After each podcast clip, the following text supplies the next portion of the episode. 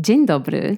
Słuchajcie, miało dziś być o czymś zupełnie innym, bo mam w notatkach na telefonie długą listę tematów do odhaczenia, ale niech to będzie taki odcinek, powiedzmy, bonusowy i wcale nie z notatek, tylko świeżo z głowy, bo muszę po prostu przetrawić gdzieś wydarzenia ostatnich dni. Jak już wiecie, w tym roku postanowiłam zostać optymistką, nie narzekać i myśleć pozytywnie. I wiecie, że nie bez wysiłku, wiadomo, ale ogólnie od stycznia do mniej więcej początku lutego bardzo dobrze mi to szło i mówię to z wielką dumą, bo jest to u mnie codzienny, nieustający proces świadomego zmieniania toku myślenia z po co to wszystko na każda pogoda ma swój urok. I ta mentalna inwestycja od razu miała pozytywne przełożenie właściwie na wszystko. Dobrze spałam, więc budziłam się w lepszym humorze. Nawet chciało mi się iść rano do pracy, a to już mi się bardzo dawno nie zdarzyło. No, generalnie chciało mi się chcieć, a to jest zawsze wspaniałe uczucie. Nie wiem, czy to nie jest najwspanialsze uczucie na świecie. Czułam się po prostu, jakbym była na takiej mega wielkiej fali i jakbym sobie tak na niej beztrosko dryfowała.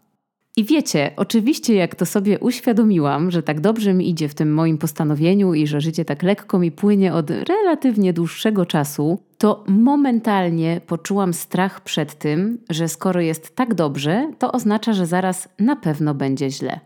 Że skoro jestem metaforycznie tak wysoko, no to przecież to nie może trwać wiecznie i że to oznacza tylko tyle, że zaraz ten czar pryśnie, a ja spadnę i ta wielka fala mnie zaleje i jeszcze na dokładkę poturbuje pod wodą. No bo takie jest prawo życia po prostu. Jak jest źle, to potem musi być dobrze, ale jak jest dobrze, no to potem musi znowu być źle. I chyba wykrakałam po prostu. Albo może jakaś energia kosmiczna akurat przestawiła się w tym samym momencie, bo nie mam innego wyjaśnienia. I to nie chodzi nawet o to, że wydarzyło się coś złego. Po prostu nagle wszystko zaczęło mnie nadmiernie wzruszać, drażnić i irytować jednocześnie. I po raz pierwszy od nowego roku na poważnie wszystko zaczęło testować moją odporność na okoliczności niesprzyjające uśmiechaniu się. W wielkim skrócie, zamiast dryfowania na wielkiej fali, przyszło utrzymywanie równowagi na linie i branie wielu głębokich oddechów, żeby nie stracić nad sobą panowania. No, słuchajcie, we wtorek na przykład, na godzinę przed wyjściem na podwójną randkę i koncert, Julian, mój mąż, zabrał się za sprzątanie łazienki i szorowanie kibla, bo od soboty nie mógł znaleźć na to lepszego momentu. I chwała mu za to, że w ogóle w końcu znalazł ten moment, ale oczywiście z uwagi na zupełnie inne postrzeganie upływającego czasu w dominikańskiej kulturze, spóźniliśmy się na tramwaj, musieliśmy pojechać na rowerach, a w połowie drogi oczywiście zaczęło padać, bo mieszkamy w Belgii. No i nic, nic nie zostało z moich świeżo wyprostowanych włosów. Na szczęście była to podwójna randka, a nie pojedyncza, więc łatwiej mi było nie wybuchnąć, ale było blisko. Za to w piątek, a to też tak a propos tej nieco odmiennej orientacji czasoprzestrzennej u Dominikańczyków, bo nasza koleżanka, która też jest Dominikanką i która mieszka niedaleko Brukseli, zaprosiła nas do siebie na kolację. Przyjechaliśmy chyba nawet z jakimś drobnym opóźnieniem, więc super głodni, a wiadomo, że głód i irytacja to słowa niemal bliskoznaczne. Wchodzimy do kuchni, a tam nasza koleżanka dopiero zabiera się za obieranie cebuli. I normalnie to chyba nie byłby dla mnie aż taki wielki problem. Zresztą podobnie jak zmoknięcie na rowerze, do którego, uwierzcie mi, człowiek nawet taki jak ja szybko się w Belgii przyzwyczaja – ale to zrobił się problem z uwagi na wspomnianą wcześniej nagłą zmianę mojego ogólnego nastroju, czy tamtej kosmoenergii, i zaczęło się we mnie po prostu wewnętrznie buzować. Wzięłam głęboki oddech i nie wybuchłam, chociaż nie wiem, czy to dzięki mojej praktyce emocjonalnej inteligencji, czy dzięki temu, że zagryzłam po prostu głód kilogramem chipsów, ale grunt, że jakoś podołałam samej sobie. Najgorzej jednak było w niedzielę rano, kiedy obudziłam się z bólem gardła po raz enty, przysięgam enty w tym sezonie jesienno-zimowym i chciało mi się wyć z bezradności. Ale muszę się Wam przyznać, że naprawdę pękłam dopiero wtedy, kiedy Spotify podsunął mi pewną piosenkę.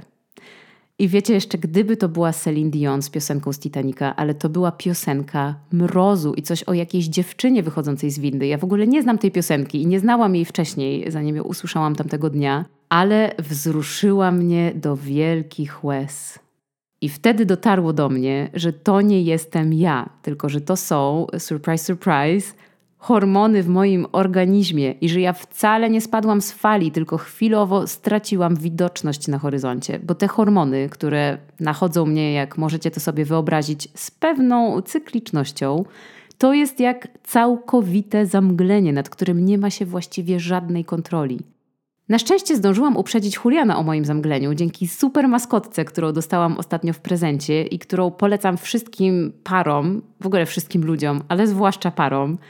A jest to taka specjalna maskotka, którą można zakomunikować światu swój humor, bo można ją wywrócić na dwie różne strony. Jedna jest żółta i uśmiechnięta, a druga purpurowa i smutna.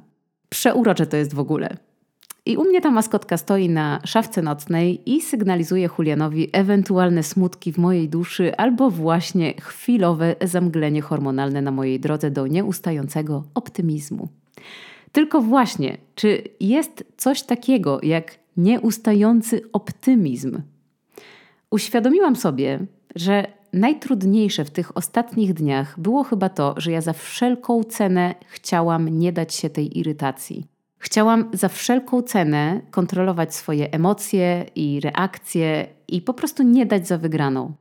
I z jednej strony to chyba dobrze, bo nikt dzięki temu w moim otoczeniu nie ucierpiał, ale z drugiej strony to chyba ucierpiałam trochę ja, bo tak bardzo chciałam utrzymać nerwy na wodzy i zachować optymistyczne nastawienie do świata, że irytowałam się tym, że się w ogóle irytuję i zrobił się z tego paradoksalny efekt kulminacyjny, aż w końcu, no właśnie, jednak nie wytrzymałam i pękłam. Jakby to po prostu było nieuniknione, no jakby to była dosłownie siła wyższa, Także, moi drodzy, doszłam do wniosku, że chyba czasami lepiej odpuścić, przeczekać chwilowe burze hormonalne i nie tracić energii na walkę z czymś, nad czym właściwie nie mamy kontroli. Oczywiście świadomość burzy samej w sobie bardzo pomaga, bo można sobie wtedy tłumaczyć, albo przynajmniej próbować tłumaczyć, że ten specyficzny stan za chwilę minie i że dalej będziemy sobie dryfować na fali z lekkością małej syrenki. I nie wiem, czy to jest słuszny wniosek, bo życie to jedna wielka metoda prób i błędów, ale póki co to jest jedyny wniosek, na który wpadłam, więc na razie będę testować właśnie ten. A jeśli macie inne sugestie, to bardzo chętnie posłucham. W międzyczasie będę wyłapywać te moje nietypowe irytacje tak szybko, jak to możliwe, wysyłać wewnętrzny alert, niczym alert RCB, zmieniać twarz maskotki na purpurową, bardzo ważne a potem przeczekiwać chwilę zamglenia z takim bezpiecznym dystansem do świata, w ogóle bez podejmowania ryzykownych działań i najlepiej z nosem w książkach. Można też y, oczywiście szukać ukojenia w, nie wiem, kolorowych światach seriali na Netflixie albo w kubełku lodów czekoladowych, jeśli tylko okoliczności na to pozwalają. Najważniejsze, żeby świadomie dać sobie na to wszystko przyzwolenie.